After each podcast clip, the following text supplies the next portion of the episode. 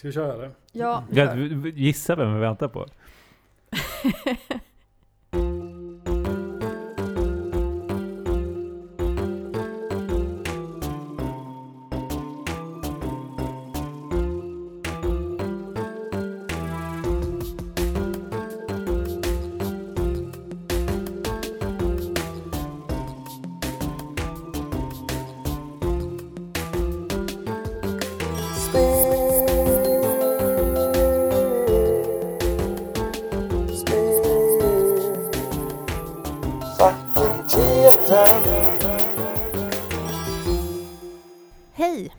lyssnar på Spelfakulteten, det 28 avsnittet.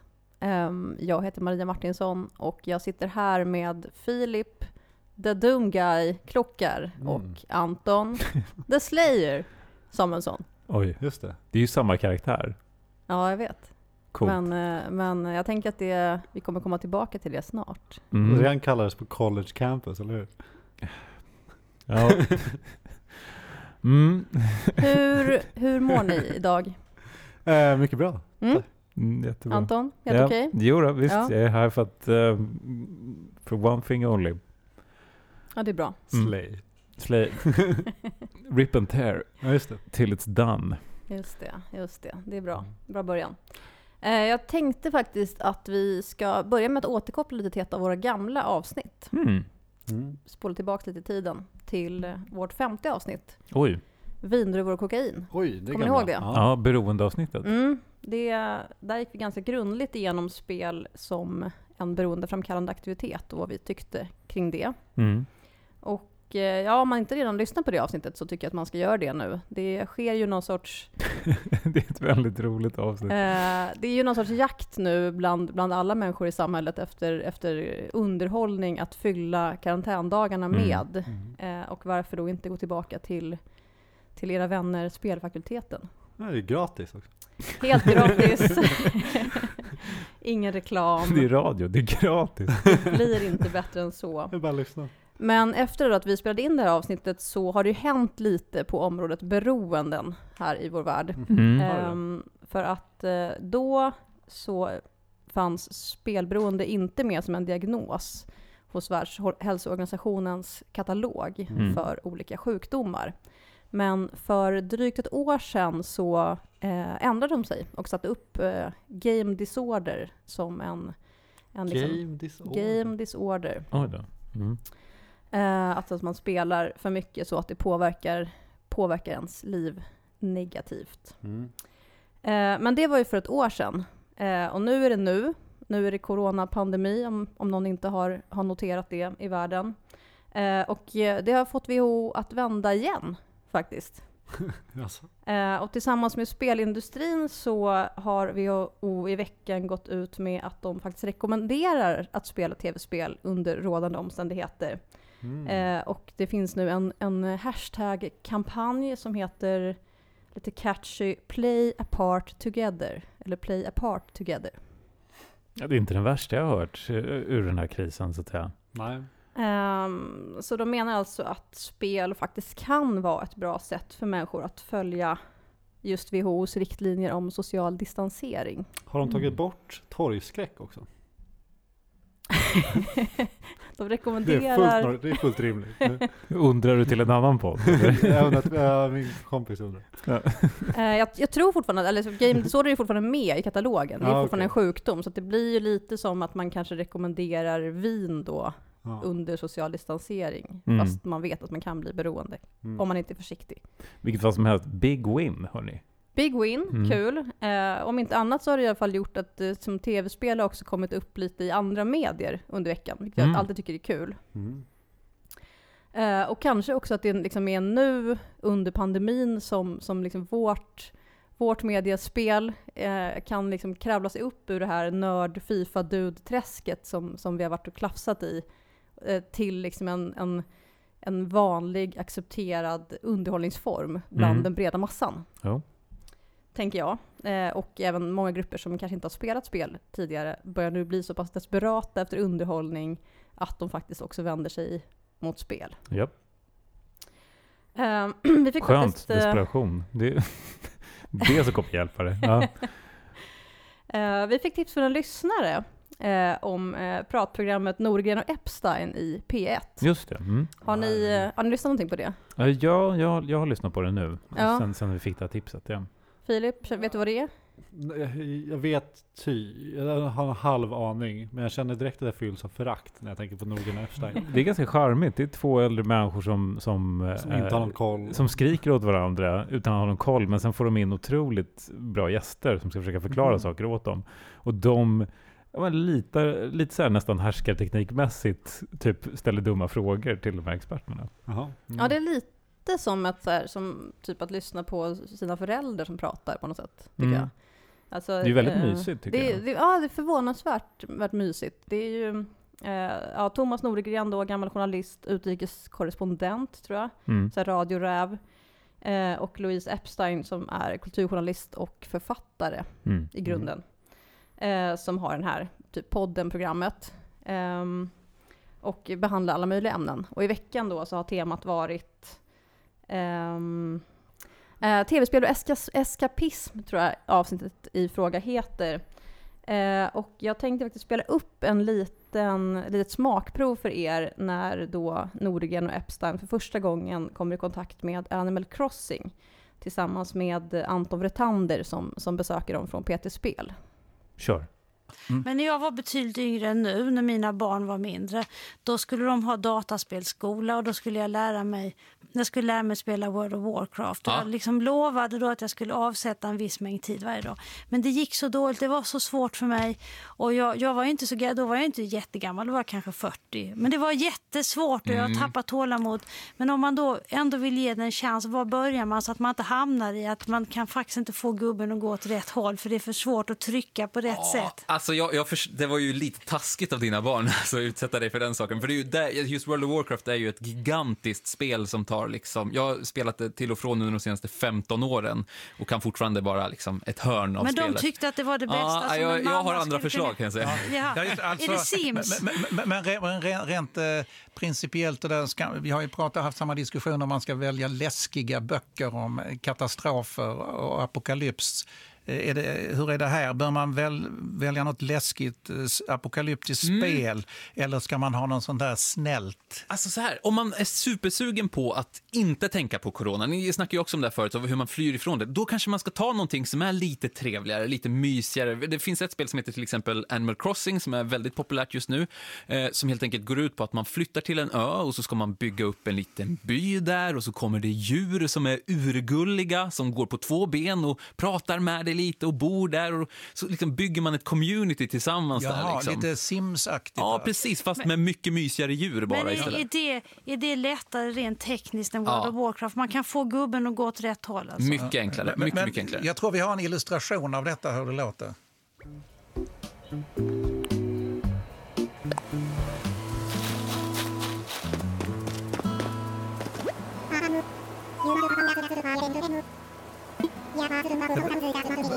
Vad är det som låter som det, som det är för, för hög hastighet? Det är det påhittade språket som de här djuren eh, pratar helt enkelt. Och då kan ni tänka det här liksom bakgrund och så sj- sjunker man ner i soffan, sänker belysningen lite och så sitter man där och bara bygger sin ö, pratar med de här små djuren och har en riktigt himla god tid tillsammans med, eller så här, ensam eller tillsammans med andra för de kan komma och hälsa på också på din ö om man vill. Vad, vad spelar du själv helst? Jag, jag vet inte riktigt vad som är gulligast, Animal Crossing själv eller de här två gamla radioprofilerna som lyssnar på Animal Crossing för första gången. Och jag tänkte att jag eh, önskar att eh, Thomas och Louise eh, tar den här chansen och startar sin egen Twitch-kanal och bara lyssnar sig igenom eh, massor av, av spel helt enkelt.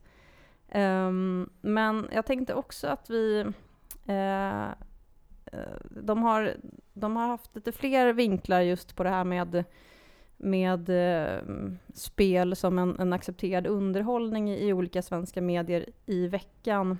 Um, och bland annat så har en, en psykologiprofessor vid namn Chris Ferguson intervjuats av TT.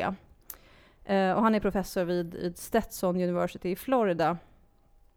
Och eh, ger då lite tips på hur, vilka typer av spel som som kanske är lämpliga då under den här jobbiga tiden som, Mm. som vi är mitt, mitt ibland. lämpliga för alla eller? Mm, men jag tror att det här är liksom en ganska all, allmän rekommendation. Liksom. Lite beroende på vad, alltså vad du tycker är jobbigast med coronapandemin tror jag. Mm. Mm. Så till exempel så om, om du känner att du behöver så här, verklighetsflykt, coronapandemin är liksom för mycket för dig, du vill, liksom, du vill bara glömma, lite som, som Anton pratade om här i, i Mm. Nordegren och Epstein också. Så tipsar Chris just, just om Animal Crossing och eh, Untitled Goose Game för någonting Ah. helt annat. Mm. Mm, mm, det är nog bra. Eh, sen kan det ju vara så att i en, en tid av osäkerhet, när man känner själv att man inte har kontroll, så, så vill man gärna ha ett spel där man är allsmäktig kanske.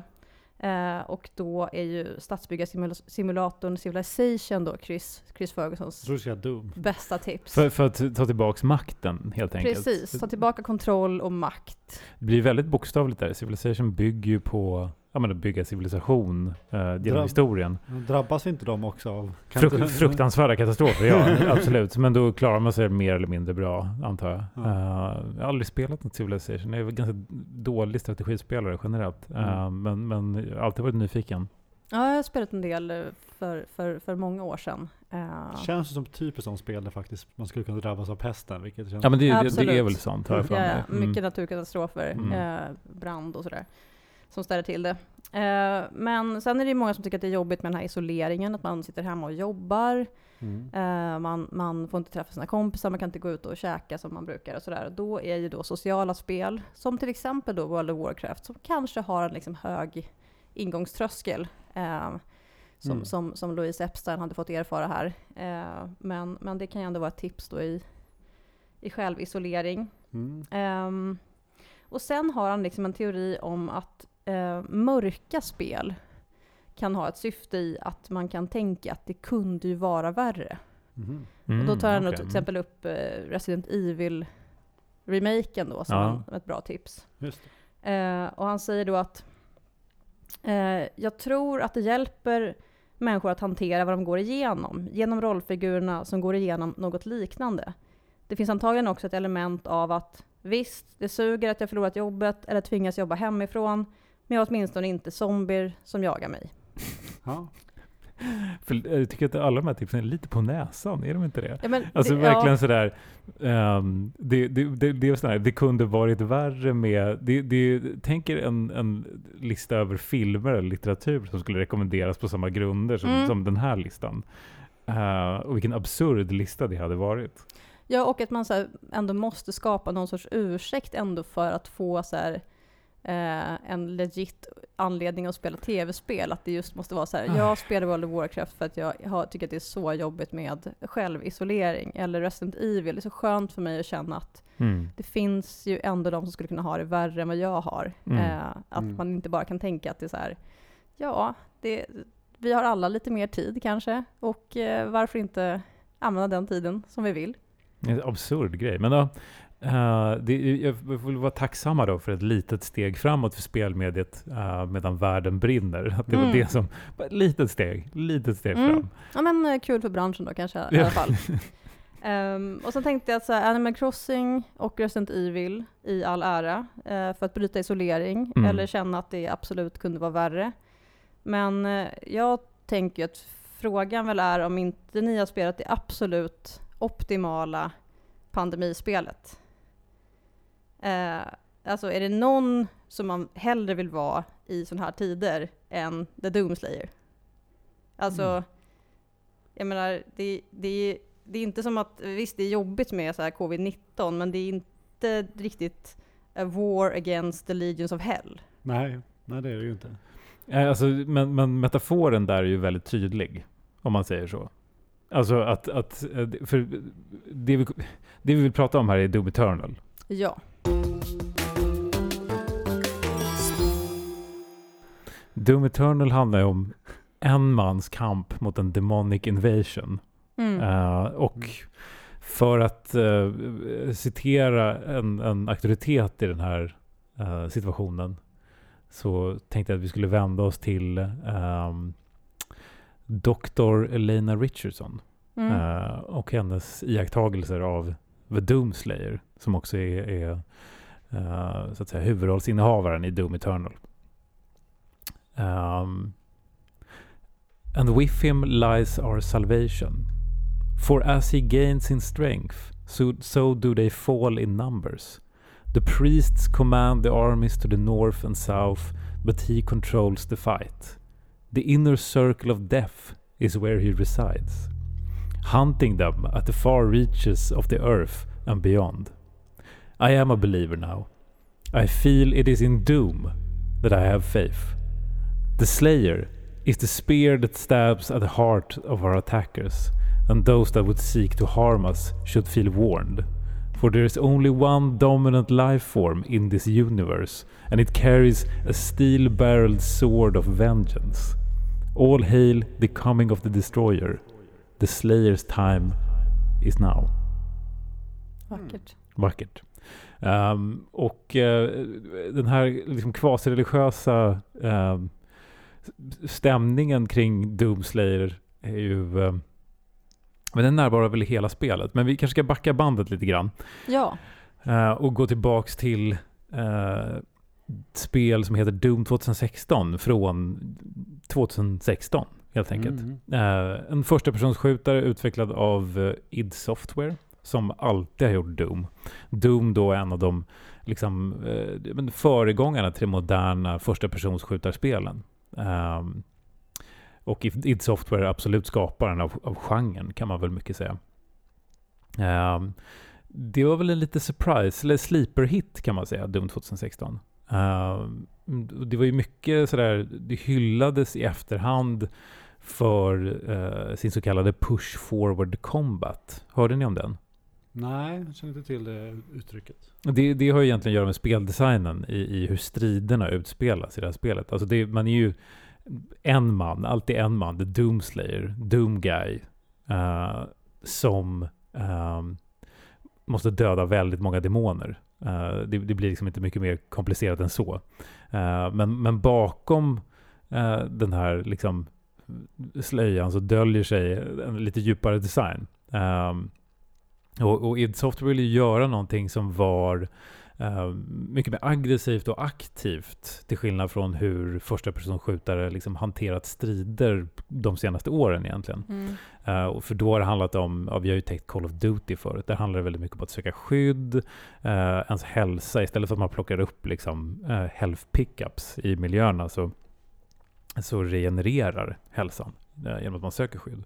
Och det är ju någonting som då gör att man Uh, snarare uh, ställer sig bakom midjehöga uh, vallar, liksom, skjuter, duckar, väntar tills hälsan mm. liksom, kommer tillbaka och sen fortsätter man. I Doom 2016 var det enda sättet att få tillbaka hälsa var, var liksom att gå in nära en demon och utföra en så kallad glory kill. De började lysa när man skjutit på dem ett tag och då flög man liksom in och så utspelade sig en, en, en väldigt detaljerad animation hur man fullständigt slaktade den där stackars demonen Uh, och sen sprutar det liksom ut HP ur, ur demonen. Uh, och resultatet blev ju någonting som var snabbt och blodigt uh, och liksom på gränsen till komiskt hela tiden. Um, och, och, ja, väldigt hög puls genom hela det spelet. Spelfakulteten har ju tidigare hyllat det spelet också för just de här sakerna. Um, och då kommer vi till Doom Eternal, uppföljaren. Uh, det är alltid svårt att följa upp en, en, en sleeper hit eller lite surprise hit sådär. Uh, Filip, du har väl spelat uh, mest, du och jag är väl de som har, har som spelat Doom Eternal? Som har spelat Doom Eternal mm. och Doom 2016 också för den ja, delen. Um, alltså, hur skulle du beskriva The Doom Slayer och hans relation till omgivningen? Uh, det beror på. Det, det, det är väl lite en grej jag tänkte vi kunde prata om idag. För att det skiljer sig lite från 2016 och nu, tänker jag. 2016 så är han ju han är ju liksom en... Han är ju en one man army. Ja, det, det, kommer man inte ifrån. Nej, visst är det så. Men han är också på något vis obrydd om någonting annat än sitt mål. Mm. Han, är, han, är, på något vis ett, sätt och vis ett blankt ark. Mm. Bara, han, är, han är nästan som en robot. Liksom. Han, han har ett syfte. Mm. Uh, det är ju ingen dialog, det är, det är, inte mycket till karaktär, utan det är bara så här, jag dödar demoner. Jo, precis. Och de gör ju till och med en grej av det. Det är väl det som vi älskat mest med Doom, tror jag, i spelfakulteten, är att de gör en grej av att, av att de försöker presentera en, en, eh, en, en handling eller en bakgrund till varför är det liksom en, i Doom 2016 var det en demoninvasion på Mars. Uh, Mm. och, och spelet bokstavligen liksom i, i de inledande stunderna försöker presentera vad, är- vad är bakgrunden till den här demoninvasionen och Doomslayer väldigt eh, representativt liksom, eller ja, bokstavligen tar handlingen och slänger den i väggen. Mm. Den presenteras på en liten tv-skärm och han bara slår sönder den. Han åker upp i en hiss, han laddar sin shotgun och sen kommer eh, titeln upp, liksom Doom, och sen är det bara heavy metal. Mm. Eh, lite grann sådär, ungefär som att skitsamma vad jag är här för, jag ska döda demoner. Och jag vet att det är någonting som de sagt i intervjuer i efterhand också. Ja. Var, vi, vi försökte tänka ut en story så länge. Men det är så här, vad, vad, är det, vad är det man gör i det här spelet? Jo, man dödar lustiga demoner. Eh, Och f- få vet du, introscener i spel har väl så på ett så, så tydligt och effektfullt vis så här, verkligen presenterat alla de olika idéerna och filosofierna bakom det här spelet på, så här, på det Mm. sättet. Liksom. absolut. Sånt effektfullt och effektivt sätt. Nej, men det är därför man gillar det, för att det är en sån eh, bara... Det är bra kommunikation. Liksom. Ja, men precis, Mm. spy på en fondvägg kommunikation på en gång. Eh, och det är därför man, man, man myser ju i det här, eh, i övervåldet som Doom presenterar, i eh, liksom eh, hur de slänger lite allt det där som brukar vara viktigt i spel eh, ner i soptunnan på en gång. Mm. Eh, och sen stå fast vid det liksom genom hela spelet. Och en glimt i ögat som, en, så här, Mm. som funkar. Mm. Absolut. Ehm, och eh, det är väl, som sagt, det är svårt att följa upp ett, ett spel som Doom 2016 som då har väldigt mycket goodwill med sig på något Mm. vis. Alltså eh, om när det är en sån, sån nästan eh, överraskande, jag tror inte de själva förstod vilken publikfavorit det skulle bli, men det blev det ju verkligen. Uh, oerhört liksom upphavsat bland, bland spelare. Ehm, och det är mycket med Doom Eternal. eh, vilken bra titel det är förresten. Doom Eternal, tycker ni inte det? Ja, Men jag gillar när de gör sånt med titlar. När det är liksom Mm. sådär, istället för att liksom kalla någonting för två eller kolon, det är liksom det, så blir det eh, ja, men lite som, vad var det, de nya Star Trek-filmerna gjorde det allihopa. Den här, Mm. eh, första var Star Trek, nästa var Star Trek Into Darkness. Mm. Uh, sådana Ah, där saker. Liksom. mm. Det, det är gulligt tycker jag. Visst, visst. Ehm, men ehm, det, finns ju, det finns ju ett annat begrepp som man slänger runt lite grann med Doom. Som blir, eh, kanske, det är nog det, det som jag tar med mig mest av Doom Eternal den här gången. Eh, och det som kanske är lite vattenskiljaren när det kommer till vad folk tycker om det här spelet. Ehm, och det är ju någonting som man kallar för Combat Chess. Mm. Uh, som slängdes runt lite grann med Doom 2016. Och det är ju lite grann som det låter. Uh, det vill säga, det finns väldigt många olika demoner i det här spelet. Uh, som alla har sina specifika svagheter. Och det finns väldigt många vapen i spelet som alla är väldigt lättanvända. Det finns inget, man laddar inte om i Doom. Uh, Nej, utan man bara byter och skjuter. och det ligger väl också lite, lite i linje med det där med att in, man inte ska backa bakom cover för att Mm. eh, regenerera hälsa. På samma sätt så vill man ju inte ställa sig bakom en dörr att ladda om ett vapen som man gör i till exempel Call of Duty. Nej, precis. Det, det tar ju det- bara upp värdefull tid i det här Precis, fallet. Ja. Um, och um, och då, då, då, då blir ju liksom, när någonting blir ett schack så blir det också mer restriktivt rent designmässigt. Alla vapen är kanske inte liksom funktionsdugliga på alla typer av demoner.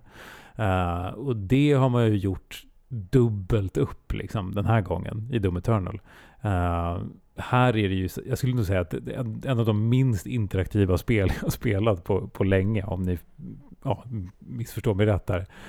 Um, för om man liksom bortser från stundens hetta, att förflytta sig, liksom positionera sig eh, och, och skjuta och, och allt det där.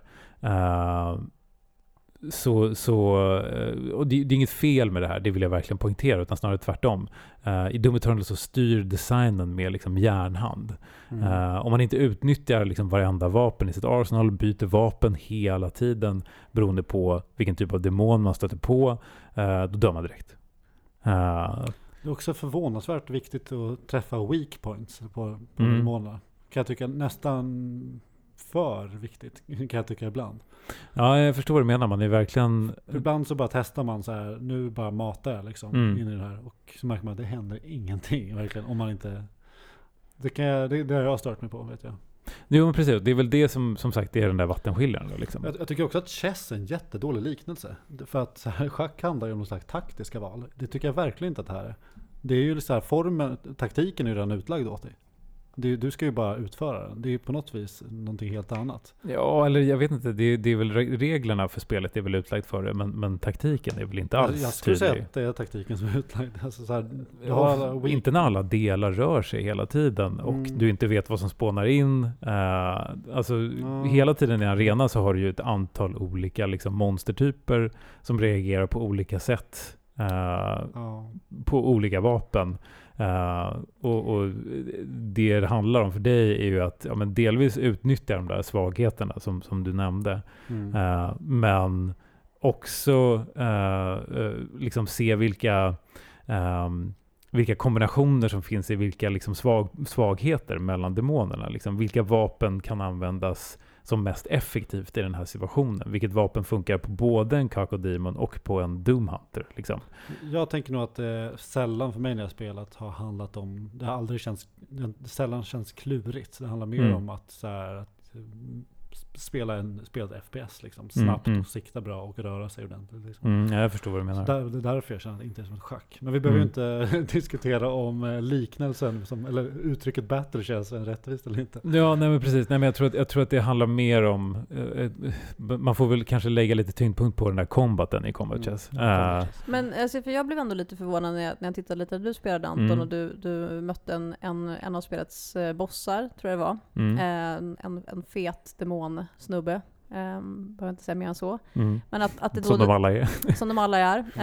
Och, och att det då liksom, direkt när du, när du möter honom så dyker det upp en liksom, pop-up-ruta Mm. med hela, hela taktiken för hur man ska döda honom. Eller ja, de, de visar i alla fall weak pointsen på honom. En, en, en för. instruktion för. hur han, alltså när han, det blinkar till så kommer han att Mm. attackera dig och du, ja, vad det nu var för taktik som ha- hade just med den här bossen Mm. att göra. Men Mm. jag tänker att så här, det är ju ganska, det är ganska ovanligt i spel, för oftast är ju en, en del av, av, av en bossfight är ju att identifiera Mm. eh, bossens svaga punkter och Mm. eh, eh, ja, hans taktik så att säga. Mm. Och, och om, man, om man tittar på andra spel eh, så kanske man inte gör så mycket skada den första gången Mm. som man slåss mot bossen, men sen när man har lärt sig honom så är det mycket lättare. Eh, jag tänker som att det kan också vara en, en, en grej här, alltså som, som är med den här, den här schackliknelsen då, om vi ändå ska säga någonting mer om den, att, Mm. att man liksom får så att säga reglerna satta Mm. och sen ska du liksom tillämpa dem. Eh, men att det blir så mycket mer komplicerat eh, för att det finns så många olika demoner och så många olika eh, taktiker då, så att säga. Nej men absolut, det, det ligger mycket i det där. Uh, alltså att ehm, det är ju, det, jag tror inte någon spelutvecklare vill lägga en tutorialruta innan en boss. Liksom. Det, är så här, det, är ju, det skulle jag säga, det, det anses vara fult ur en designsynvinkel. Mm. Att så här, här är liksom du, du, det kan ju till och med vara så, jag vet att det finns en bana som, som bygger på, de verkligen laddar upp hela banan. Det är ganska långa banor också eh, Mm. i Doom Eternal. Och de liksom laddar jättemycket inför en specifik fiende. Man ser hur den här fienden, hur de liksom bygger den i en slags fabrik. Och man Mm. vet hela tiden att någonstans, att ja, den här fienden kommer jag möta. Liksom. Eh, och sen precis i liksom klimaxstunden liksom, stunden när man möter den, då poppar den här rutan upp som förklarar det här är vad liksom, fienden är svag inför. Ehm, men i och med att ingen fiende i Doom Eternal står på egna ben, allting funkar liksom i kombination med en annan demon. Det är där i hela liksom spelet ligger. Så, så är det viktigare, alltså, här, en, snarare än att lista ut ehm, svagheterna hos en specifik demon, ehm, så, så ligger det snarare hur ska man lista ut hur man slåss mot alla de här samtidigt Mm, ja, på precis. ett, på ett framgångsrikt eller till och med snyggt, liksom, ett estetiskt tilltalande sätt.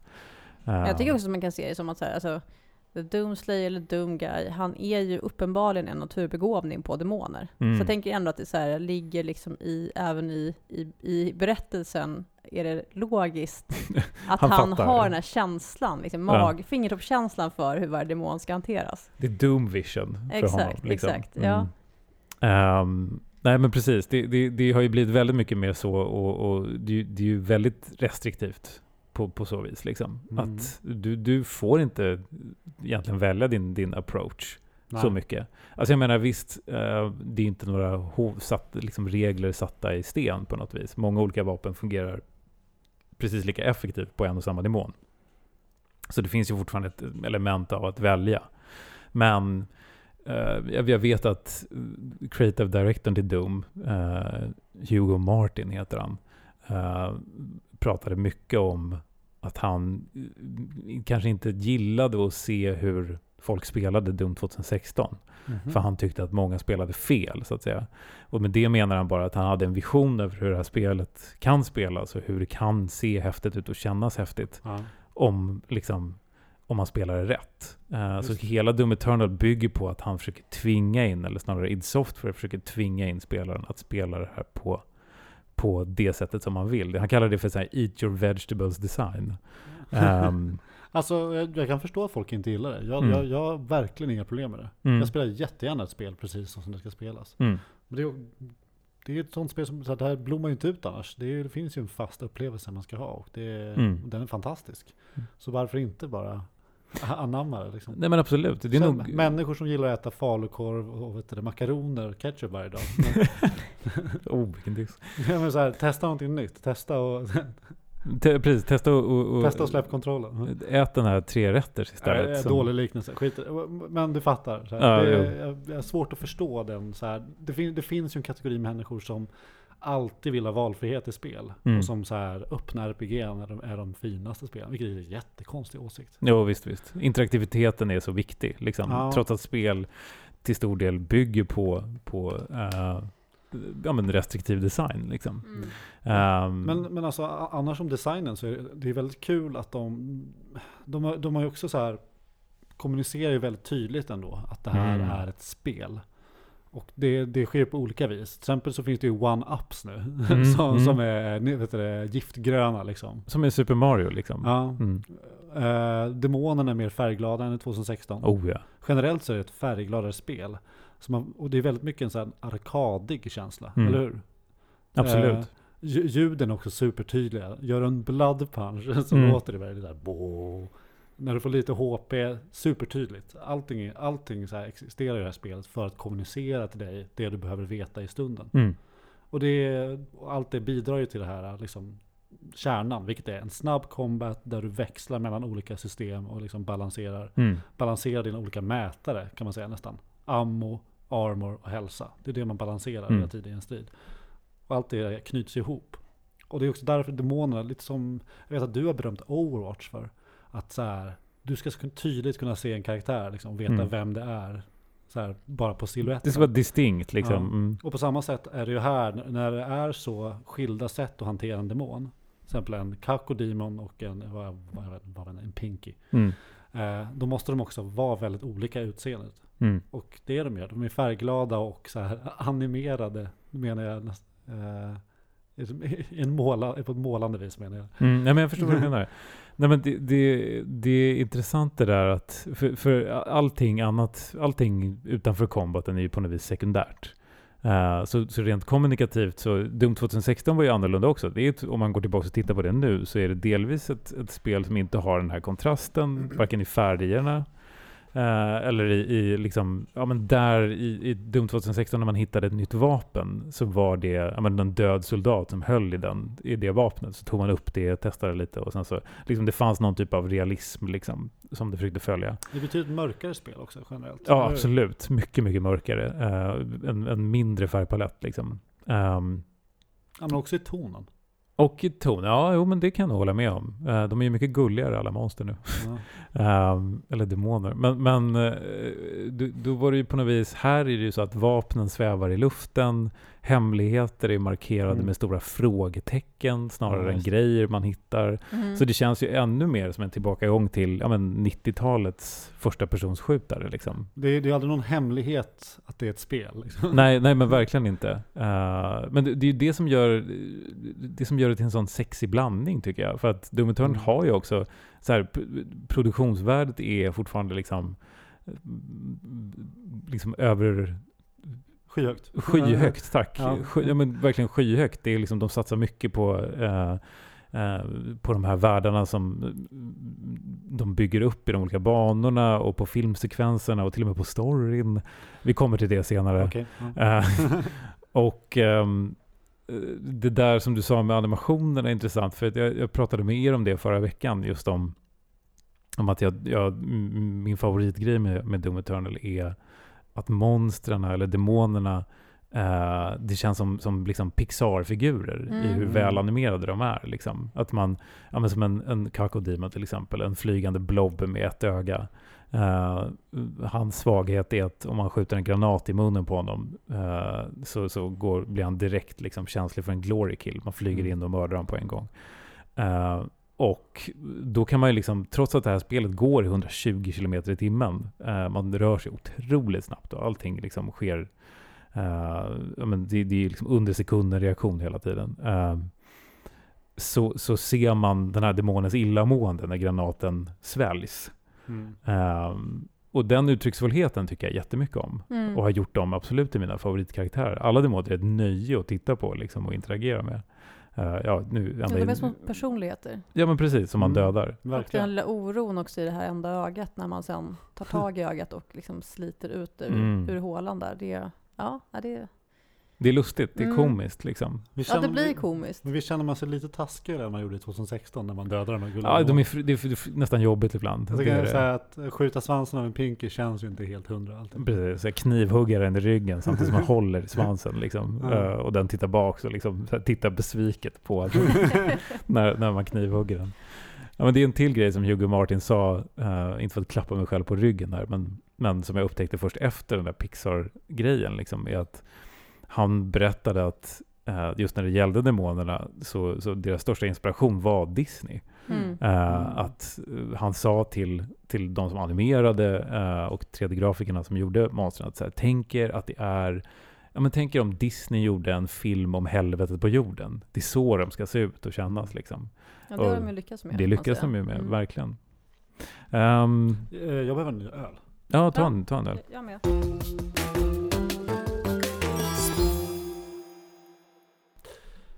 Eh, ja, men alltså... vi Storyn ville ja, du prata om. Ja, ja, dels det, men jag tänkte gå in på en liten kort grej innan. Eller eh, så här, generellt, mina problem med spelet. För det Mm. finns också, jag har också kritik. Liksom. Jag, jag tycker väldigt mycket om Doom, jag har haft väldigt kul när jag spelar. Mm. Men det har varit en del, del grejer som skaver. Mm. Eh, en av dem är alla de här progression-systemen. Gener- eller så här, generellt, bör- börja bredare. Mm. Det här spelet är ett spel där man slåss snabbt och det är det som är kul och det är det man gör. Och så här, man går vidare, bla bla bla, bossar. All- Allting går i liksom 120 som du säger. Man känner sig som ett rovdjur liksom, Ja. på droger. Och därför tycker jag det blir, det blir liksom väldigt känsligt för när det här tempot stannar upp. Och Mm. jag tycker att det, så här, det har funnits ett problem i, i eh, att de har nästan lagt in mer story än i 2016. Mm. När själva poängen i 2016 var att vi inte skulle ha story. Eh, de Det är märkligt ja. Mm. Ja, man läser, så- läser, börjar läsa så här codex entries som dyker upp. För, för ärligt talat, kom och säg till mig att jag så här, ja men du behöver inte läsa. Ja, men ärligt talat, alla, alla läser, alla är completionist. Ja. må- Alla vet att man måste utforska hela banan. Ja. Det finns ingen som går förbi det där. Nej, men Snacka precis. inte skit, lek inte. Det, det är en Eh, bra spaning tycker jag. Faktum är, ingen struntar i alla de där grejerna. Utan Nej, alla letar så om ju det finns på allt. där, då har du så här, då, har- du har ju tvingat mig, vad Mm. heter. Det är, en, det, det är en del av spelet. Mm. Ja. Vad, vad, vad är det som är en del av spelet? Nu tappar du oss som inte har spelat Mm, Okej, tror jag. en codex entry. Det är Mm. alltså så här, du, du plockar upp del, jag vet inte om det är som sidor eller böcker, men så här, du, en, helt, en stentavla så- säkert. Brinnande papper typ som ja. svävar i luften. Ja. Eller om det är en stentavla. Ja, men i Ja. alla fall. Dr. Elenas, eh, Elena Richardsons lilla utdrag där är till exempel en sån Mm. Mm. codex entry. Eller när det står om Doomguy, var han kommer ifrån. Och, det, Mm. och så här, Night Sentinels och så vidare. Och det är liksom Jag text, gillar- eh, textavsnitt. Ja, Ja. oftast. Eh, och det tar liksom, det stoppar upp tempot och det, så här, det stör mig på något vis i spelet. Men också att jag vill inte veta för mycket om Doomguy. Mm. Det, det tar bort hela poängen med honom. Mm. Eh, och så här, jag, vet inte, jag vet inte vad, jag, jag gillade att det var liksom, eh, vet du, mystiskt med honom. Han kommer ur en sarkofag, han dödar demoner. Mm. Eh, man, får, man får veta lite i ettan, eller så här, 2016. Mm. Men men så här, vi behöver inte, vi behöver inte liksom veta om någon betrayal och så vidare, och så här drama som han har varit med om. Ja, Det är ju väldigt mycket drama i Doom Eternal. Eh, Det är ju, det är en, en, en... Och han skiter inte i samma sätt som i ettan heller. nej, Han, ver- verkligen han, verkar, han verkar inte ointresserad av det liksom. Nej, nej, Även tvärtom. om, man, även om han inte svarar, Mm. så långt jag har kommit i alla fall. Så, så här, och det, det stör mig väldigt mycket. Mm. Jag, jag, behöver inte veta om den antika rasen han tillhör eller vad, vad det nu är. Mm, mm. Det, är ingen, det är ingen spoiler för jag vet typ, jag minns typ inte om det är exakt så. Men det är någonting sånt. Och jag som Ja. har spelat lite mer än dig, jag har ingen aning heller. Um, ärligt talat, för jag tycker det är så svårt att hålla reda på. Alltså, så här, Men visst finns det en diskrepans mellan 2016 Doomguy och Doomguy vi ser idag? Absolut, det gör det. Gör det. Eh, och det, det är märkligt tycker jag för att ehm, en av de delar som, som liksom generellt hyllades, var, var liksom det bästa med Doom 2016 var just det här vi pratade om, med att här är någon som slänger alla de där uh, liksom spel-story-troperna åt helvete. Liksom. Mm. Eh, Så faller de liksom lite ändå i den fällan? Eller? och sen faller de ändå i den fällan. eh, för jag misstänker att, jag tror Doom 2016 hade nog, var inte det enklaste spelet att utveckla för dem. Det verkar inte som det av det jag läst och sett. Eh, och då blev det lite grann så att de behövde kringgå det här storybehovet på, på något smart vis för att de behövde släppa spelet. Mm. Och det visade sig att det var helt rätt sätt att göra. Alla älskade liksom vem Doomguy eller Doomslayer var i den där kontexten. Liksom att han är den här eh, liksom righteous force liksom, som bara gillar att döda demoner. Det är hans enda uppdrag. Det är hans liksom... eh, det är kanske en man som enbart fungerar i den kontexten och om, om man kan till och med säga att han kanske haft tur som har hamnat i den kontexten. Jo men exakt, han är rätt man på rätt plats. Ja. Ehm, och eh, då är, håller jag med om att, att det är väldigt märkligt att man då ändå väldigt envist är sådär, nej men nu, nu, ska det bli, nu ska det bli story liksom. Och det är en jävla story alltså. Herregud vad de klämmer in i de här kodexarna. Och till och med, eh, jag menar, mycket av den story som presenteras i spelet är helt oförståelig om man inte läser codex entry som man också hittat. Eh, så det, jag tänker mig att de kanske vill komma åt någonting Dark Souls, Demon Souls-aktigt där. Att, Mm. att storyn skulle vara diffus men ändå existerande. Men, men det, det är liksom... Onödigt Det kanske, går, går inte ihop riktigt. Eh, även om eh, fortfarande storyn bjuder på några fantastiska stunder. Absolut. Eh, men i det stora hela, det är ju Mm. något som är skaver, det håller jag med om. Och på samma sätt som det skaver med att få veta för mycket om Doomguy, så, så här, det tydligaste exemplet för mig är så här, jag fattar, jag, jag gillar också Doom, jag gillar Doomguy, Mm. jag gillar musiken, men när man går runt det där skeppet och hittar hans rum, liksom, Mm. så här, och så här, han har stora metalgitarrer på väggen, det är inte, jag vill, jag vill inte veta vad han gör på sin fritid, för det Mm, förstör mm. också, han har ingen fritid. Nej, nej. Jag, vill, jag, vill, jag vill inte tänka att han sitter och spelar gitarr. Det bara förstör karaktären för mig. nej, precis. Jag, jag älskar det faktum att det finns... Det är en sån svår balansgång tror jag. Eh, för jag älskar det faktum att det finns någonting som heter Fortress of Doom, som Mm. är din hubbvärld, alltså den här rymd... De säger att det är ett rymdskepp, men alltså det är ju en, en fortress i rymden då, där han, som är hans bas liksom. Eh, men, men det här du nämner med, med de här gitarrerna och liksom lite lustiga detaljerna i hans kontor slash rum, det känns ju snarare som någonting eh, ett fan hade gjort. Liksom det Mm. känns, känns fan-gjort. Alltså så här, eh, en, en, en, en annan utvecklare hade liksom inte hade förstått kanske värdet i att inte visa upp det här, och att inte liksom gå för långt in i det heller. Jag Så- tänker mig typ en man mm. som bara har en så här brits, typ som en cell liksom. Mm. Han, Mm. han, där han sover med sin rustning och hjälm på sig. Nej, men det är ju så väldigt mycket Så upp och ner i, i det där kontoret. Alltså det är sådär, El- jag, man förstår ju lockelsen liksom att lägga till det där. Ja, precis. De, de, Ja. Deras karaktär blev någonting efter Doom 2016 som de inte riktigt visste vad det var. Men det märks ju nu att de visste inte riktigt vad det var. Eh, för att det känns som vi delar ju en uppfattning som är väldigt stark kring, Mm. kring vem Doomslayer är som karaktär. Liksom. Men är Eh, inte det konstigt då? För att i den där till exempel dokumentären som vi har nämnt, mm. så känns det som att de har stenkoll på vad det var som, som gjorde att Mm. Doom 2016 var, bra. Liksom.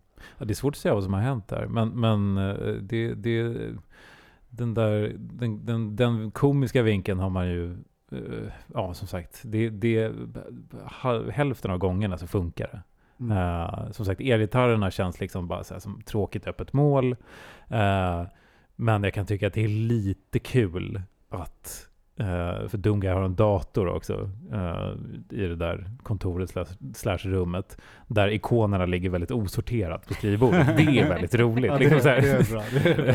att de är så här, det ser verkligen ut som någon som inte riktigt bryr sig om var. Det är bara så här, man ser att det är en skiva uppe i högra hörnet. Så det är så här, två mappar som ligger lite över varandra. Liksom så här, överlappar lite lätt. Mm. Som är liksom i mitten av skrivbordet.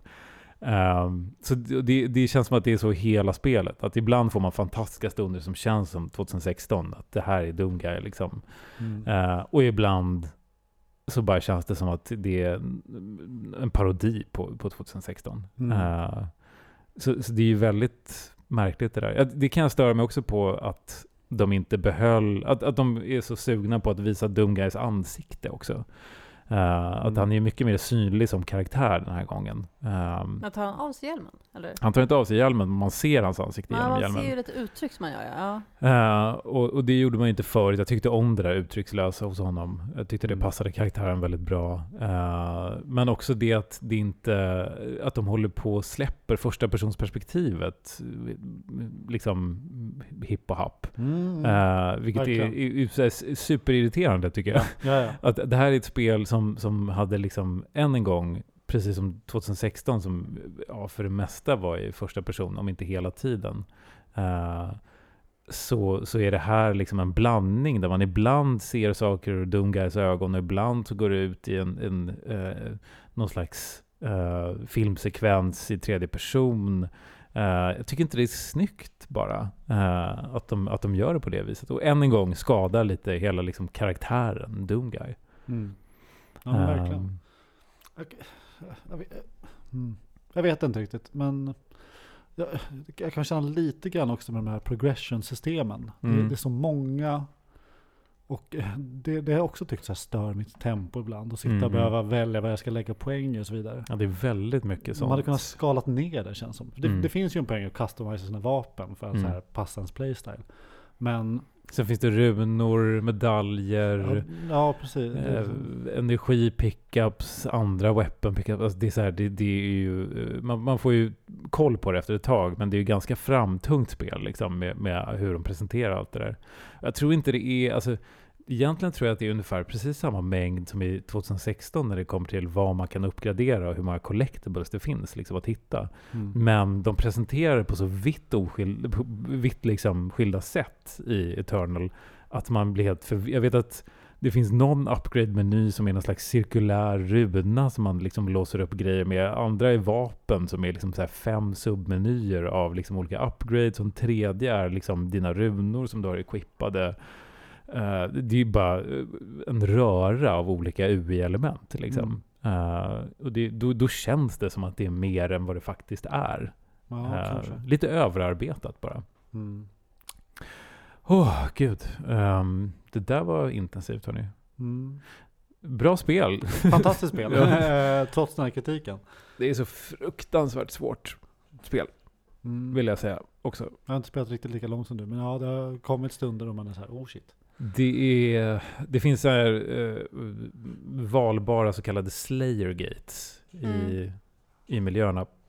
Som det är nästan roligast. presenterar en, en, specifik utmaning. Men där, där får jag samma känsla som när jag spelade Sekiro, som vi har pratat om i spelfakulteten ganska ja. ofta. Att jag bara kände så här, ja, det här kan inte jag klara. Jag, nu, tack och adjö. Liksom. Jag går vidare eh, till någonting annat. Liksom. För att det är eh, ibland sådana fruktansvärda odds. Liksom. Uh, det är ett spel som kräver väldigt mycket av spelaren. Mm. Uh, man har ju suttit där och spelat det och bara varit sådär, ja men som du sa Filip någon gång, att ibland märker jag att jag inte har blinkat på liksom flera minuter. Och man bara, ja, så fort man liksom. dör eller klarar en strid så blinkar man och så börjar, märker man hur det svider. Men det är också ett spel där jag verkligen haft hjärtklappning många gånger. Mm. Uh, bara för att jag är så inne i det. Liksom. Mm. Ja, det, jag har haft väldigt kul hittills. Jag ser mm. fram emot att spela mer. Ja, även jag ser fram emot att och, och fortsätta genom det. Doom ja. Eternal, äntligen avhandlad. Mm. Kanske, kanske inte det som är nästa steg för, för Nordegren och Epstein. Uh, nej. nej, jag tror inte det heller. Men så här, Är det svårt Anton, om man, att man ska om att få gubben att gå åt det håll man vill? Ja, ja det, det tror jag är... Så här, det är ett snabbt spel alltså. Eh, det är svårt att rekommendera eh, i liksom något läge. Men, Men så belönande. När men, man väl har men, kommit dit. men så belönande när man väl kommit dit. Hej August. Hej August.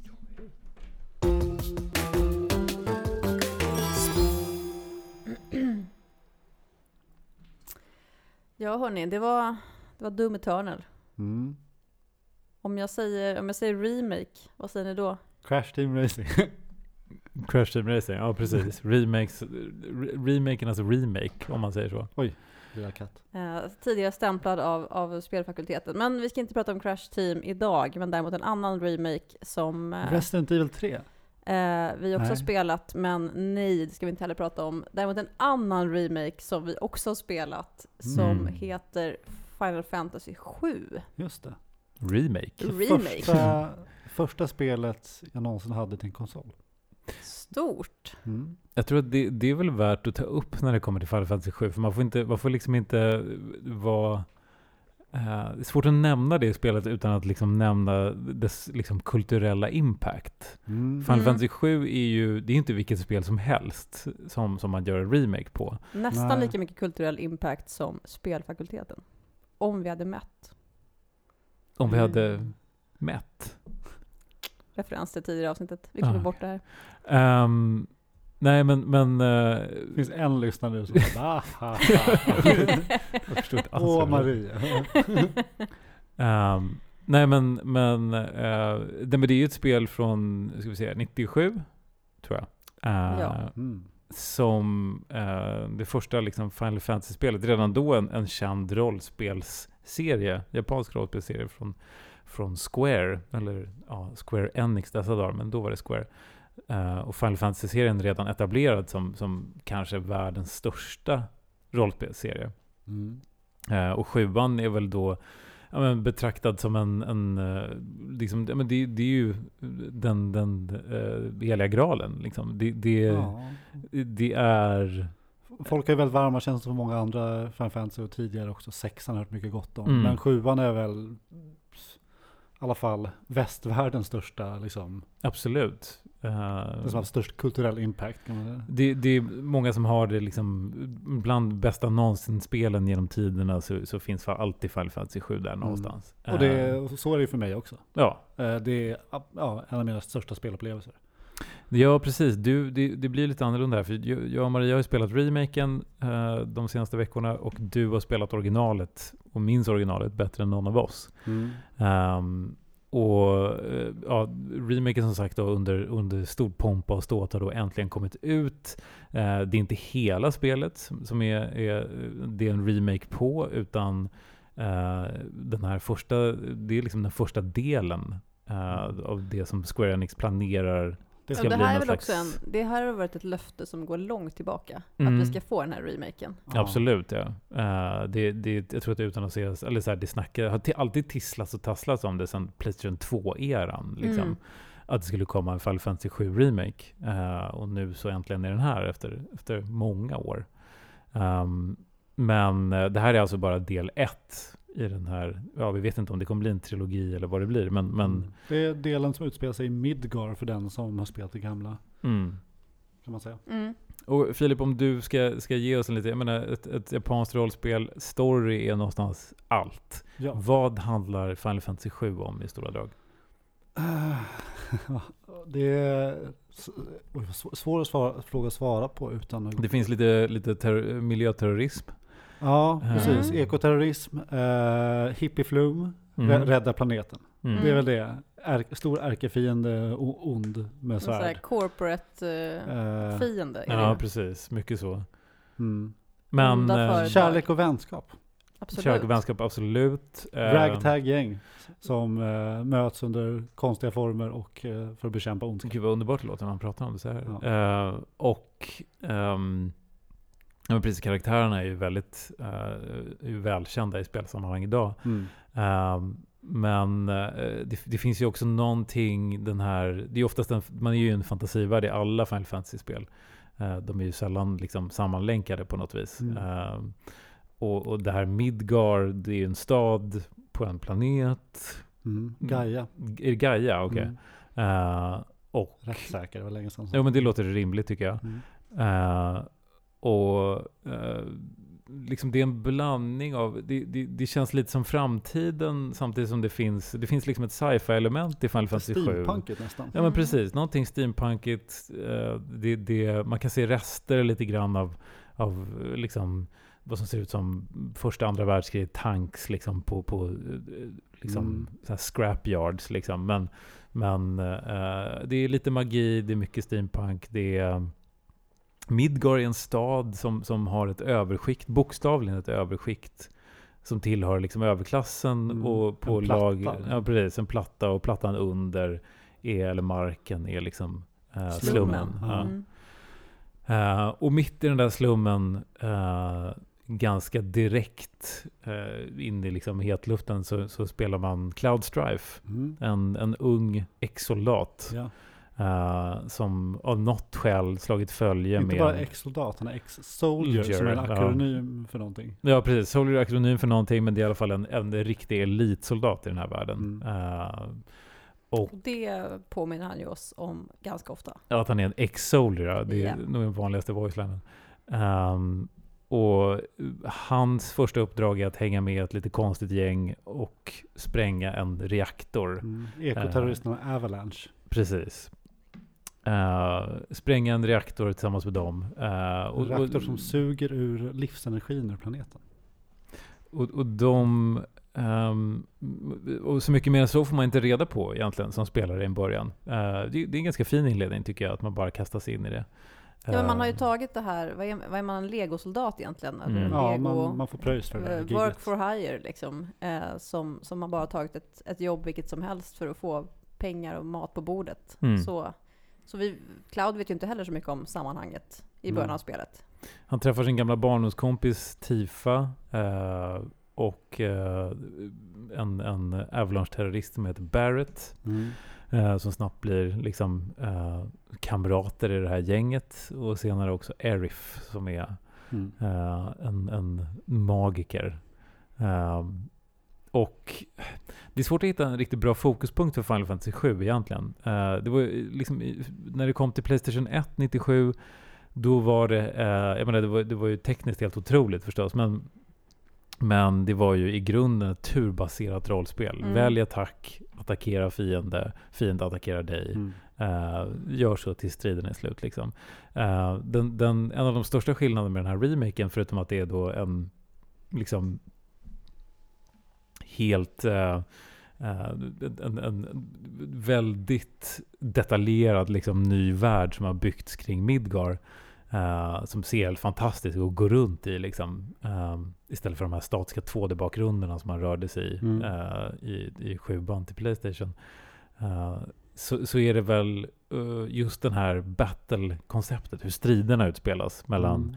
Shinra eller monster ute i vildmarken eller vad det, var kan, vad, vad det kan vara man, man kämpar mot. Liksom.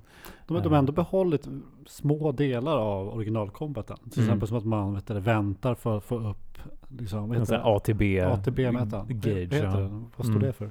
Eh, action time battle kanske?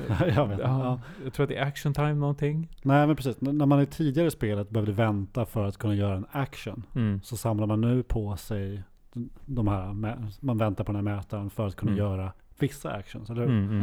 Mm. Typ kasta en spell, använda ett item. Mm. Mm. Nej men precis. Det, det, det, eh, Men i övrigt så, så här kan man ju springa runt som man vill och attackera och liksom röra sig runt och dodga. Liksom. Precis, det, det är märkligt. Det är som en liten lite beat em up nästan. Eh, alltså att man eh, springer runt och slår på monster. Man kan välja sina target. Oftast är det fler man slåss mot samtidigt. Eh, och slår på dem för att liksom bygga sin ATB. Eh, och då finns det liksom två bars. Liksom, när man har fyllt en sån bar kan man göra en spell eller så kan man göra en ability. Eh, och det är ju specialattacker då som, som gör extra mycket skada eller är, är liksom elementkopplade. Så att man kan Mm. kasta eld till exempel mot en fiende som är eh, känslig mot, mot, eh, mot eld. Ja. Eh, och det, det är ett system som går ihop fruktansvärt bra. Det känns så enkelt när man spelar det, men har ändå ett ganska spännande djup. Och speciellt när man där man liksom spelar som mm, man spelar inte bara en karaktär, man har ju hela sitt party. Så man växlar ju till upp till fyra karaktärer som alla har sin egen A till B och alla sina egna speciella Mm. eh, attacker och abilities och spells. Eh, delvis liksom, precis som alla liksom turbaserade rollspel, att bygga sitt party och liksom ge dem specifika roller, ge dem specifika spells. Att okej, du ska heala och tanka damage liksom. Och du ska vara attackerare. eh, och liksom skapa en, en strategi kring hur man bygger sitt gäng. Mm. Men, men också eh, det rent visuella i det här nya systemet. Liksom, att, att det ser ju helt fantastiskt ut. Det är så mycket effekter och gnistor och liksom, eh, grejer som händer på skärmen. Och, och så fort man får upp sin ATB-bar så man kan göra något billigt eller en spel, då saktas tiden ner liksom, i slow motion. Eh, och då kan du välja din spel och sen kan du direkt gå till en annan karaktär, fortfarande när tiden är i slow motion, och välja en annan spel. Och sen när man trycker på liksom play igen så, så eh, händer allting det här samtidigt. Eh, så, och det, det, det är något fruktansvärt tillfredsställande i det där systemet att spela det. Mm. Eh, men, absolut, delvis det visuella men också i eh, att ja, men det jag gillar är väl blandningen mellan just det här actionfokuset. Du kan liksom springa och dodga och faktiskt slå. Men att, att de här eh, liksom kombinationerna av hur de fungerar eh, mellan karaktärerna är så otroligt viktigt. Liksom. Att faktiskt använda sina abilities så att de funkar eh, tillsammans. Liksom. Eh, det är så man klarar sig ur striderna eh, egentligen i slutändan. Mm. Eh, och utöver det så är det ju den största charmen med det här spelet är just att det är så jävla konstigt. Alltså, ja Maria, du har ju kollat på lite grann. Mm. När, när, eller du har ju följt mig från första steget i Midgard till, till det senaste jag tog. Eh, jag är inte, vi är inte klara än liksom. Alltså jag ser mig lite grann som din, eh, din så här coach.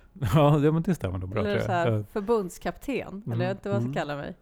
Men det, det är så här en rolig grej med det här, just eftersom det är så mycket taktiska element i själva striderna så, Mm. så eh, finns det faktiskt ett sånt behov lite ibland. Mm. Någon som så sitter och håller koll på alla mätare samtidigt som, som du liksom bara eh, utför det som, som ska göras. Ja, men jag kan säga att jag kan tycka att det nästan behövs. Det är fyra separata mätare, allting går i realtid.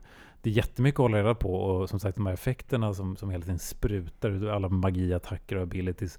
Det kan ju vara nästan överrumplande liksom, i, i hur det ser ut. Det är betydligt in, mer intensivt än originalet. Mm. i Verkligen. Och det behövs ju, för jag tar att vem vill sitta och hålla på och traggla med den här gamla combaten nu? Det Mm. hade ju känts tufft kan jag tycka. Men det, det, utöver det så är det ju, alltså så här, det är någonting med, som jag tänkt på generellt också, över spel jag spelat de senaste åren. Att början på 00-talet, eh, upp till 10-talet, några år därefter, så var, liksom, när det kommer till AAA-spel, alltså de här stora spelen, eh, som vi ofta pratar om i spelfakulteten, eh, Eh, så var det ganska homogen marknad. Liksom. Det fanns inte så mycket utrymme för konstigheter. Eh, och många spel såg väldigt lika ut och det var väldigt mycket liksom, lån av olika system till andra. Eh, och Final Fantasy 7 i likhet med Resident Evil 2 som också är en remake som kom förra året som vi pratat om mycket. eh, och till och med Doom som tar liksom otroligt mycket inspiration från eh, Från rötterna. Från rötterna, 90-talsrötterna liksom Mm. så har spel blivit så jävla konstiga. Eh, och det är superhärligt att se. Det här Mm. spelet är ju svinkonstigt där man liksom spelar de här eh, otroliga striderna för att i nästa stund liksom äta pizza hemma hos någon av Avalanche-terroristernas mamma. Eh, och, och, så här, det, det går inte att sätta fingret på riktigt vad, vad Final Fantasy 7-remaken är. Det är så mycket Mm. tvära kast mellan... Ena stunden springer man ut i slummen och hjälper till att hitta katter. Nästa stund så är man på en motorcykel och slåss mot en, en eh, otroligt stilig, liksom, också ex-soldier typ. eh, på motorcyklar liksom. Eh, Det är nästan som en sån här barndomsfantasi. Liksom. Alltså, jag, tänker liksom, jag tänker på så här, ungdomsgänget i IT. Det är liksom den Mm. känslan man, man får. Eller så här, så här, som i, i, um, eh, i, i It. Liksom. mm, mm. Ett gäng så här, eh, barn som har sommarlov och cyklar runt på sina mountainbikes. Det, Mm, mm. Den stämningen är det liksom i det här Avalanche-gänget. Absolut. Eh, bara det att de gör mycket mer...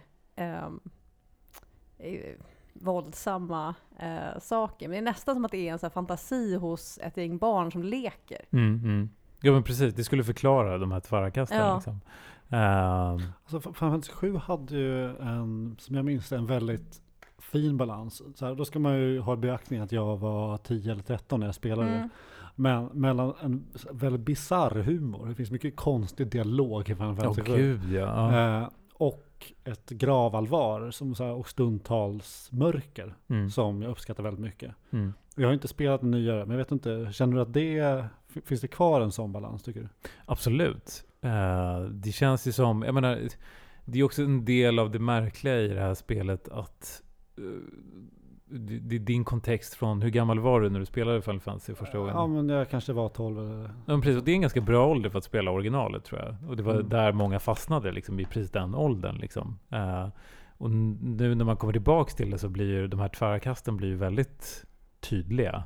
Ehm, för att det här, de här riktiga dramastunderna är ju inte, de är ju fortfarande, de är ju lite konstiga för att det är mycket svärd och magi liksom inblandat. Ja, de berörde mig då. Ja men precis, de berörde det då. Eh, men, men ofta så, så tycker jag att det funkar. Jag kände att jag och Maria har varit väldigt investerade i, i delar när det blir allvarligt i storyn. Mm. Eh, och samtidigt som vi tycker att det är ganska roligt att det inte alls tar sig själv på så stort allvar.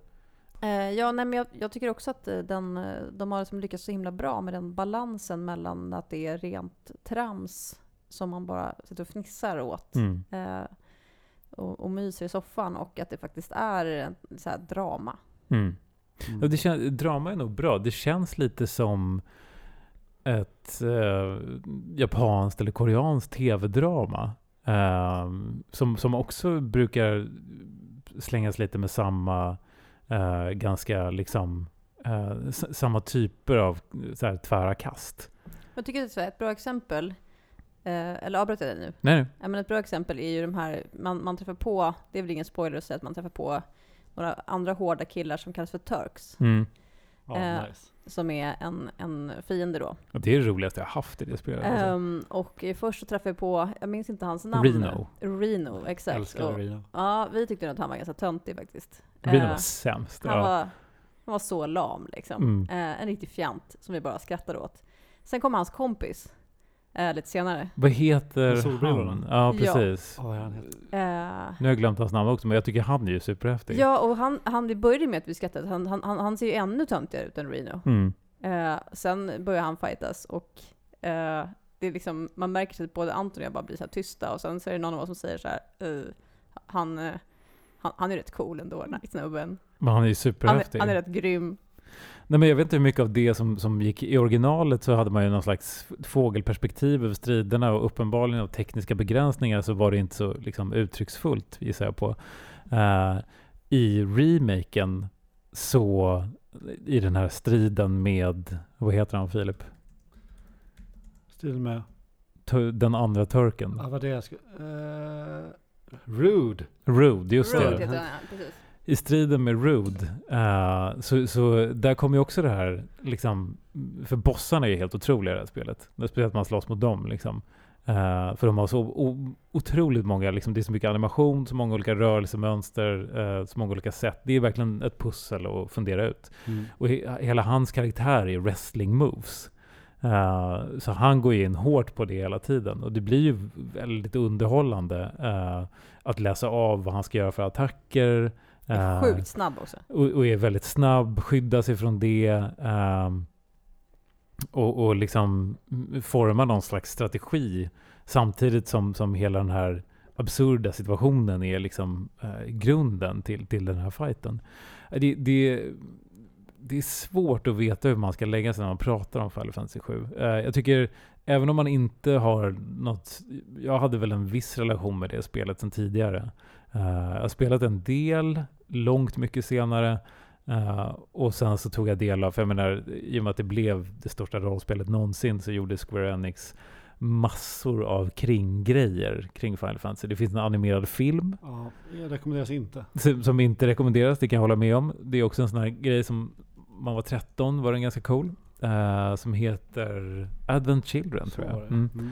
Ehm, och sen finns det ett antal spin-off-spel Ja. Uh, så här Crisis Core till gamla mobiler, typ Sony Till Ericsson PSP mobil. va? Ja, jag tror de kanske portade, jo till PSP kanske det var Crisis Core. Det Jag finns min någon, bror har spelat till PSP. det, det finns som är någon prequel. Uh, Ja, precis. och sen så finns det liksom en, en karaktär-spin-off på en karaktär som heter Vincent, som är en typ av vampyrkaraktär. Det låter som dålig. D- Dirge of Cerberus uh, hette det. Uh, mer eller mindre bortglömt idag. Um, nej men det, det, det finns fantastiskt mycket runt Final Fantasy 7. Uh, och det är väl det som är grejen med det här spelet, att det inte riktigt håller ihop. Att det känns som, som massor av galna idéer som liksom kläms in i en fantasyvärld. Samtidigt som Maria sätter verkligen Uh, det, det, det, jag höll på att säga näsan på spiken. Vad, vad jag säger Huvudet nu? på spiken. Huvudet på spiken. Och, och att det känns som, man får en väldigt stark sån här äventyrskänsla. Det finns den där IT-ungdomsgänget liksom i det. Mm. Uh, kamratskapen uh, och, och liksom ehm, det gemensamma äventyret liksom, eh, samtidigt som det finns ja, men, väldigt fint arbete gjort med karaktärsutvecklingen Mm. eh, hos de här Och karaktärerna. det är en intressant värld att ha. Det är här, Absolut. Det, det är superspännande. Liksom. Alltså för, för mig som kommer från ett nostalgiskt håll. Så någonting som är lite jarring, eller vad man ska säga. Är ju att nu finns det ju voice actors. Mm. Mm. Och det är, det är lite svårt att vänja sig med. Mm. Förut var det bara skriven text, ja. Precis. Mm.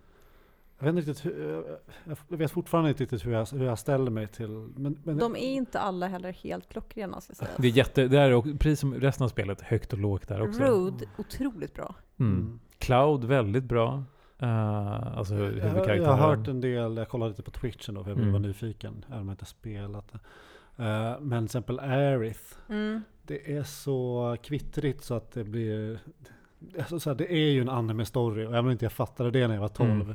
så, så är det ju liksom. Mm, mm. Det, är, det är en snubbe med ett enormt svärd och det är, det är ultra-anime liksom. Avancerad frisyr. Eh, Ja, Oj, frisyrerna. ja. Mm. men, men det, är, det är liksom inte så jag minns det. Mm. Jag minns det ju som ett episkt drama liksom. Mm. Som var så här, åh, fantastiskt. Ja, precis. Har man ingen relation med Final Fantasy 7 sedan tidigare så är det lite grann som att prata om filmatiseringen av Harry Potter. Liksom. Alltså det, är, ju- Ja. det, det är samma typer av känsliga punkter tror jag. Mm. eh, för den som har en relation med gamla Final Fantasy. Mm. Ehm, Det är väldigt mycket så här. ja, men det är också lite av en anime-trop Ja. tror jag som är väldigt det. förekommande. Ja, det, det känns som att det, det passar liksom bättre när det, man pratar japanska tror jag. Mm. Än, i, I vissa sekvenser så blir, det, så blir det väldigt märkligt tycker jag med de här engelska Det är mycket, rösterna. många som stönar hela tiden. här. Ja, det är Ja. mycket stön liksom, i, i ett konstigt sammanhang faktiskt. Om Någon säger någonting och då eh, reagerar någon annan med så här. "Hä?" Och någon annan liksom bara svarar. Mm. Ah, ah, ah." Och sen så slutar den sen så. Och man bara, vad, vad hände? Var, varför, varför stönade ni bara? Ja.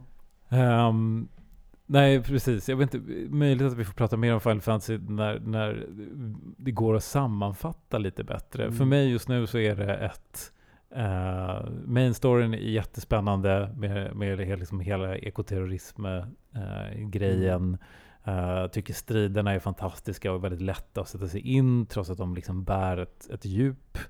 Um, och uh, sen så finns det delar av det spelet som är direkt liksom superdåliga tycker jag. Eh, Men som man, det är som man sidouppdrag framförallt som man känner kanske är lite daterade. ja, som men väl är hämtade från originalet kan jag tänka mig. daterade liksom. Det är det som också känns lite konstigt för mig som kommer från det nostalgiska hållet. Att så här, Final Fantasy 7 var ju aldrig ett spel där man spelade sidouppdrag. Det var ju Mm. liksom, det fanns väl lite kanske. Mm. Jag minns knappt något sånt. Det är snarare Men- någonting nytt Men kanske. det är ju liksom ett, det var ju ett Ja, main story-spel. Ja, ja men Eh. alltså, och det är det ju fortfarande absolut. Mm. Eh, sen finns det ju så här, alltså verkligen så här små uppdrag typ i, i slumbyn, liksom. Eh, leta katter etc.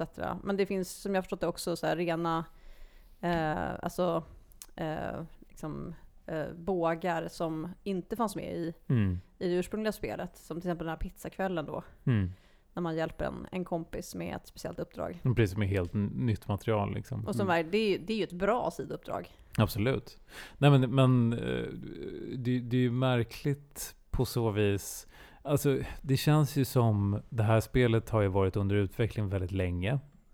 Uh, jag kommer inte ihåg när det officiellt utannonserades. Det var typ 2017 eller ja, någonstans där. Uh, så det har ju varit, redan innan det utannonserades har det ju gjorts ganska länge. Och det känns som ett spel som har varit under utveckling i minst fem år.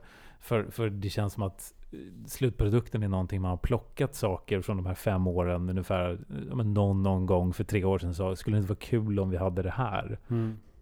Och så är det med. Mm.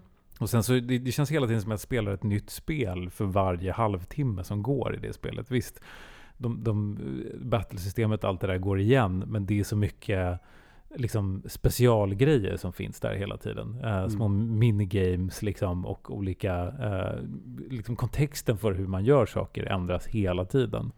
Eh, och det är väl det som också är en del av spänningen i det. Men, men som sagt, då är det ju också några delar som de här sidouppdragen som man behållit som känns liksom otroligt billiga bara. Eh, Just när man hjälper till i slummen specifikt, som är, skulle jag säga, rätt ut bara uttråkiga. Eh, och som du var inne på Filip förut, så man spelar ju allt. Mm. Det, det gör man ju. Man, man tittar på allt material. Att man skulle lämna någonting, det händer ju inte. Nej. Eh, och det är ju inte så vi har spelat heller när vi har gått igenom det. Jag, alltså jag vet inte, jag, nu har inte jag spelat Final, alltså det ursprungliga Final Fantasy-spelet så mycket, eller sjuan då, men, men jag har spelat senare spel och då, då minns jag ändå att det var ganska mycket som handlade om att man var tvungen att eh, farma XP på olika sätt. Mm. Att man kunde verkligen möta en snubbe eller eh, farlig tjej då som man inte märker att man, jag kan inte slå henne Mm. på den här eh, leveln. Eh, och så är det ju absolut inte nu. Nej. Utan eh, det är ju väldigt rappt liksom när man väl spelar main storyn, skulle jag säga. Ja, det rör sig hela tiden framåt och det är inte så mycket återbesök bakåt. Så att, Nej. så att det där fria, liksom, att gå runt i någon slags mm, mer öppen värld och möta fiender eller farma, liksom, eller att bli liksom bättre genom att slåss mot fler fiender. Det existerar inte riktigt heller. Så det känns som att hela levelingsystemet och allt det där är lite bara en... Ja, det, det hade egentligen inte behövt existera. Eh, utan det, det hade bara kunnat... Det är bara där för att det är Final Fantasy 7-remaken. Det känns mer som nästan ett Uncharted-spel ibland. Liksom. Ja. Att det är en linjär, en linjär spelupplevelse. Och sen är det ju förstås viktigt att hantera det här med materia. Mm. Eh, alltså vilka olika typ Magier element och- som, som ens magier eh, kommer ifrån. Så Mm. att man, man liksom passar ihop dem med rätt fiende då som är känslig mot, mot just fire kanske eller Mm. ice eller så. Mm. Så det är lite taktiskt och rätt, men så på en lagom nivå tycker jag. Så jag till och med jag, jag brukar inte tycka om sådana grejer. Men Nej, här, finns- här tycker jag att det är på en bra nivå kul. Enkelt att sätta sig in i verkligen. Eh, samtidigt som, som ja, det finns mer Det är än så man vill. Liksom. Pokémon-aktigt liksom. på något Ja, sätt. men absolut.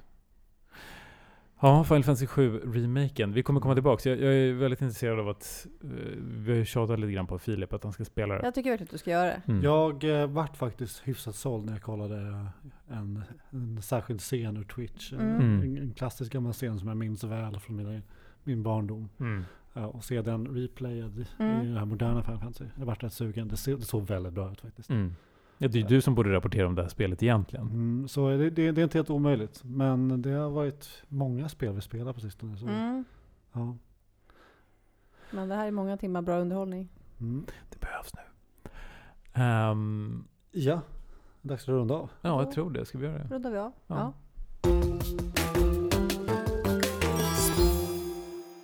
Ja, med det så får vi väl tacka för oss från spelfakulteten eh, den här gången. Vi har Mm. pratat om eh, en, eh, en, en härlig karaktär i form av Doom Guy och Doom Eternal. Som, Mm. eh, som ändå rekommenderas, tror jag. Eh, Ja, gud ja. Mm, absolut. Och sen blev det lite Final Fantasy 7 remake på slutet. Vi ser om det blir någon remake även, även i nästa avsnitt. Det är fullt möjligt. Det är ganska många av dem just nu. Det har kommit en del eh, Mm. på sista tiden. Men fram till dess så tycker jag att ni ska följa oss på Instagram där vi heter att spelfakulteten. Ni kan också mejla till oss, Anton. Att spel, äh, spelfakulteten at gmail.com. Kollar du den med någonting? Eh, ja, Mm. det gör jag. Där kan man skicka in tips om man vill. Eh, på roliga radioprogram som vi kan lyssna på. Eh, och ni kan också lyssna på Nordgren och Epstein i P1. Mm. Kan vi också rekommendera. Absolut. Charmigt program. Eh, charmigt program. Men eh, nu kanske vi ska spela lite Hunt Showdown igen. Jag hoppas det. Mm. Mm. Tack ska ni Ehm, ha. Och förresten, han shownar på rea så köp det. Köp. Det kostar 280 spänn. Tack för att ni lyssnade. Hej då! Hej då!